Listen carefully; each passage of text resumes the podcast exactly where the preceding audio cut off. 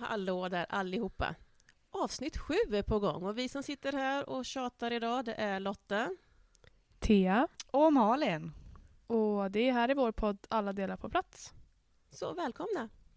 Eh, vi pratade om eh, alla barns rätt till fritidshem. Att det kunde bli ett eget avsnitt och nu är vi där. Nu ska vi prata om detta. Nu blir det ett eget avsnitt. Mm. och här kan jag känna mig lite kluven. Alla barns rätt till fritidshem. Som det är idag så har ju inte alla barn rätt till fritidshem.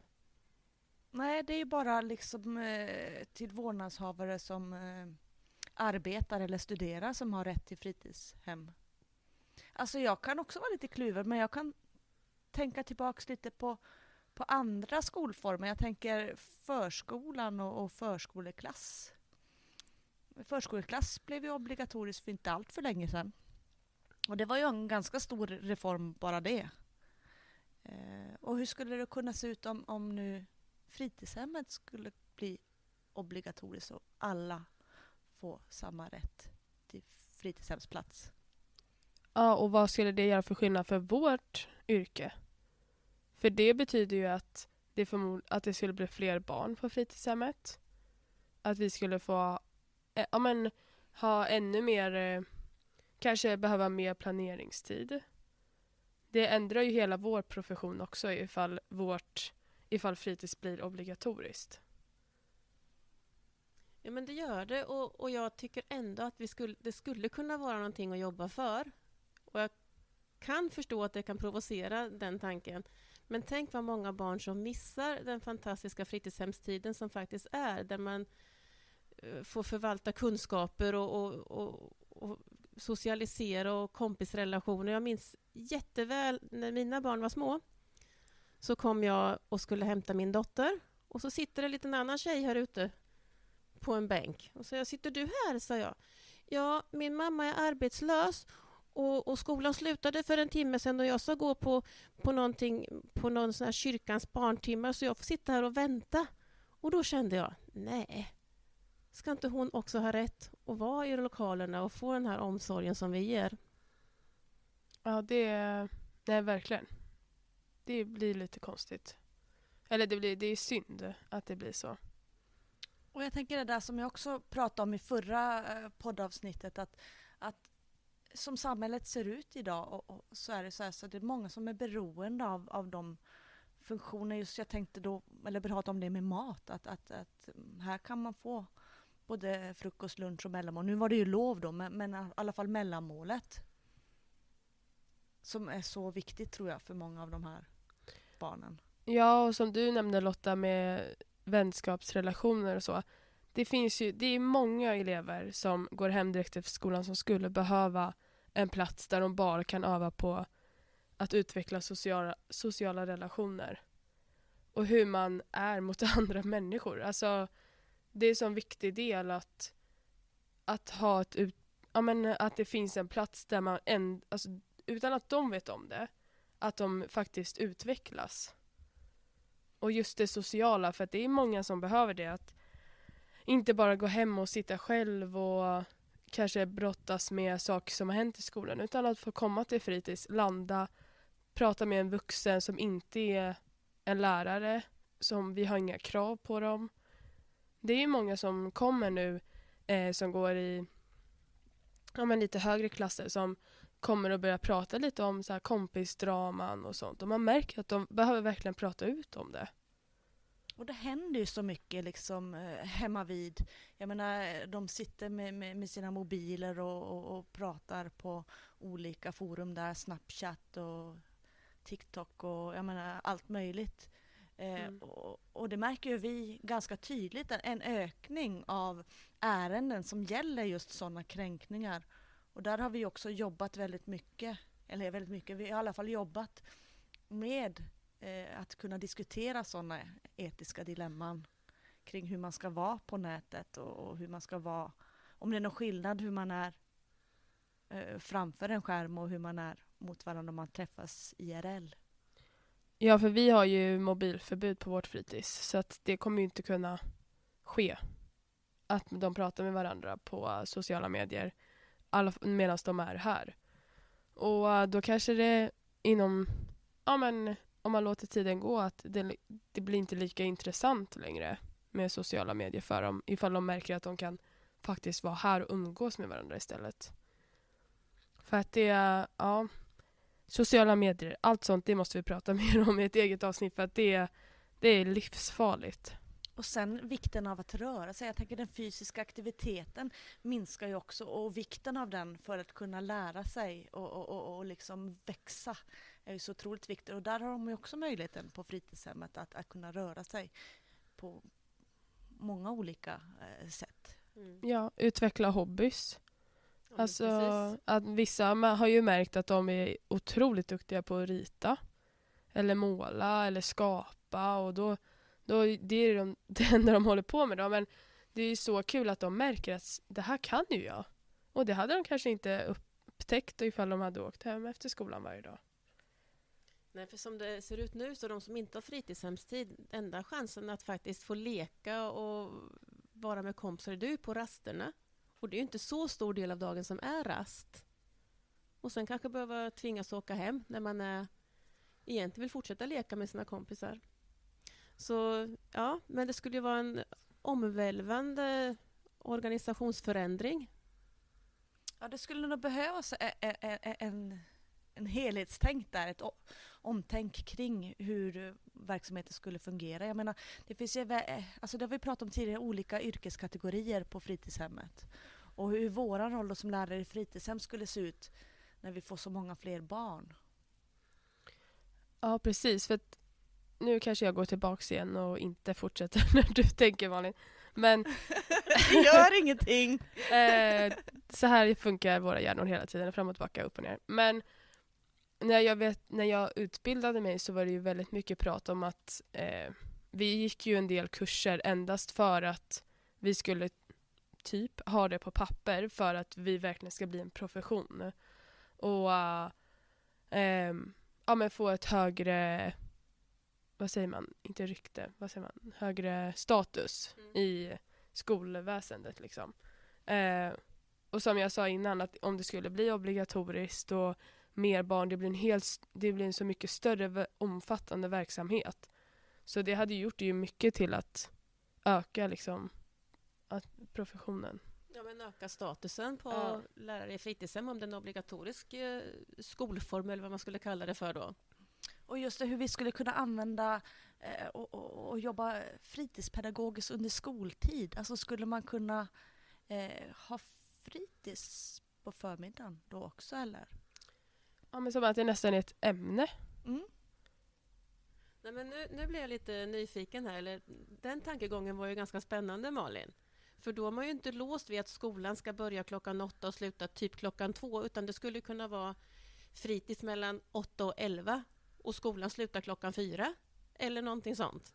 Exakt, precis så tänkte jag. Tänk vilka möjligheter man skulle kunna få då.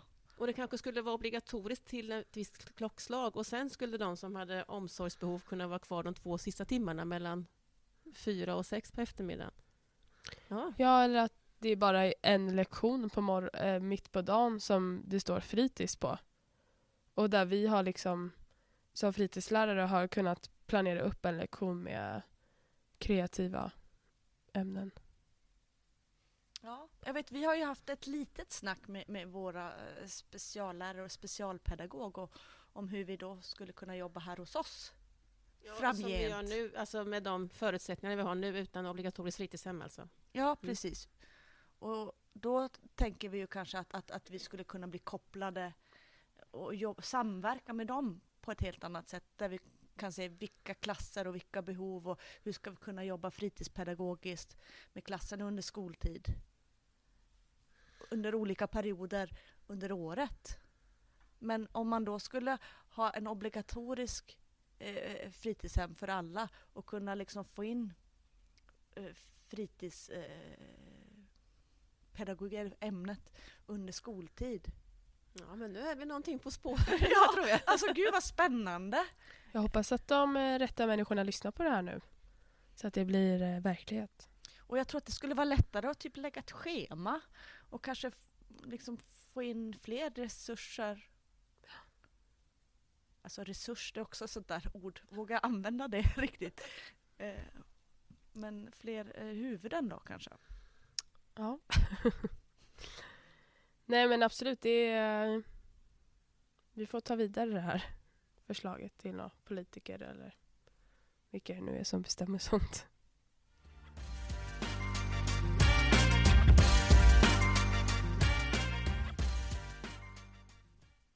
Men, men jag tänker så här också, det får ju bli, om man tänker, lek med tanken bara nu, att ett barns dag i skolans lokaler är från obligatoriskt från 8 till 16. Det måste ju ändå vara uppdelat på något sätt så att man vet att här är det skola och här är det fritids. Ja, alltså det får ju liksom inte bli skolifierat. Nej, det får inte vara en lång skoldag utan man måste ju verkligen tänka att det här är fritidsverksamhet de här, vad det nu blir, fyra timmarna eller fem timmarna på dagen. För vikten liksom av återhämtning och vikten av att, att liksom leka och eh, kunna bearbeta allting som har hänt och allt man har lärt sig. Den är så också så otroligt viktig och den kräver ju ändå lite tid. Det kräver ju mycket tid. Vila och rekreation.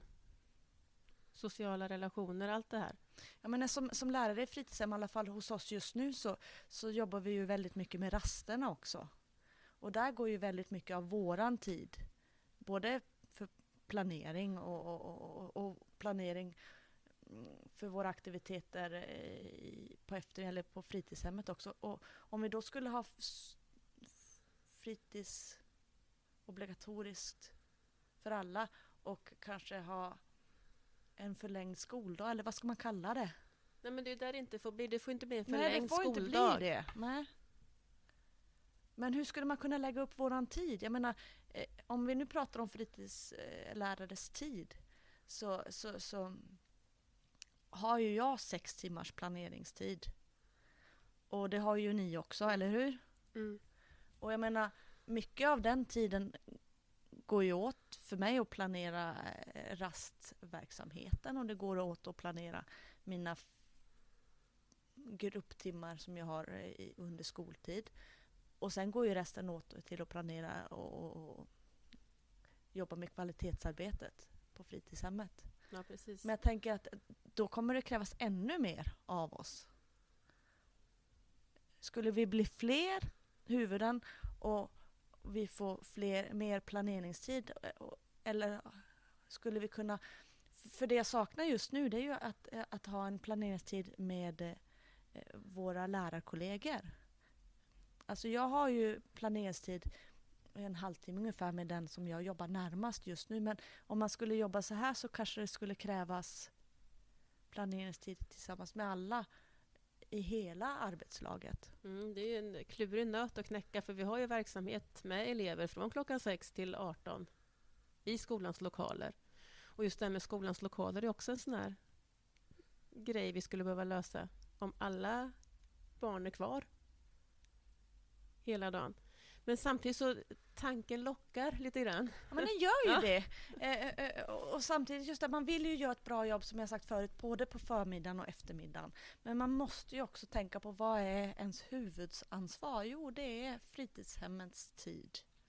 Och då om den blir förlängd så, så, så kommer det ju krävas mer av mig, eller vad tänker du Thea? Jo, jag tänker ju mycket utifrån vissa elevers perspektiv som kanske inte älskar skolan så mycket så hade det här kunnat vara ett, ett verktyg för dem att eh, få upp skollusten en del. Att eh, det hade gett dem mer energi och det hade inte varit kanske ja, de kanske inte hade sett på skolan som lika jobbigt eh, som de kanske gör nu. Förstår ni vad jag menar? Ja, men det mm. håller jag med dig om. Jag kanske hade kunnat fånga upp dem på ja, ett annat precis. sätt.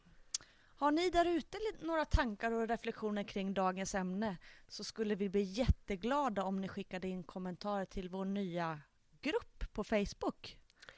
Ja, vi gjorde ju en sida på Facebook men vi bestämde oss att eh, det kanske inte var det smartaste verktyget ifall vi ska kunna diskutera saker. Um, så det kommer fortfarande heta Alla delar på plats, en podd om fritidshemmet. Men att det är en grupp istället som man kan gå med i. Och där får ni jättegärna eh, skicka in kommentarer och frågor om det finns ämnen som ni vill att vi diskuterar. Mm. Och vi kommer lägga ut eh, lite filer som vi har nämnt förut och, och lite tankar som kanske som vi har också. Precis. Eh, så då kan man ju lägga upp en fråga där och alla kan vara med och diskutera. De som är med i gruppen. Eller så kan man eh, mejla till vår mejladress. Som står i beskrivningen i avsnittet. Men eh, tack eh, för dagens avsnitt. Eller tack för, tack för att ni har lyssnat på dagens avsnitt. Kanske Ja. man ska säga. Men vad ska vi prata om nästa gång, Lotta? Och jag tror vi får eh, ha en cliffhanger på den. Hej då! Tack så mycket från oss. Hej då!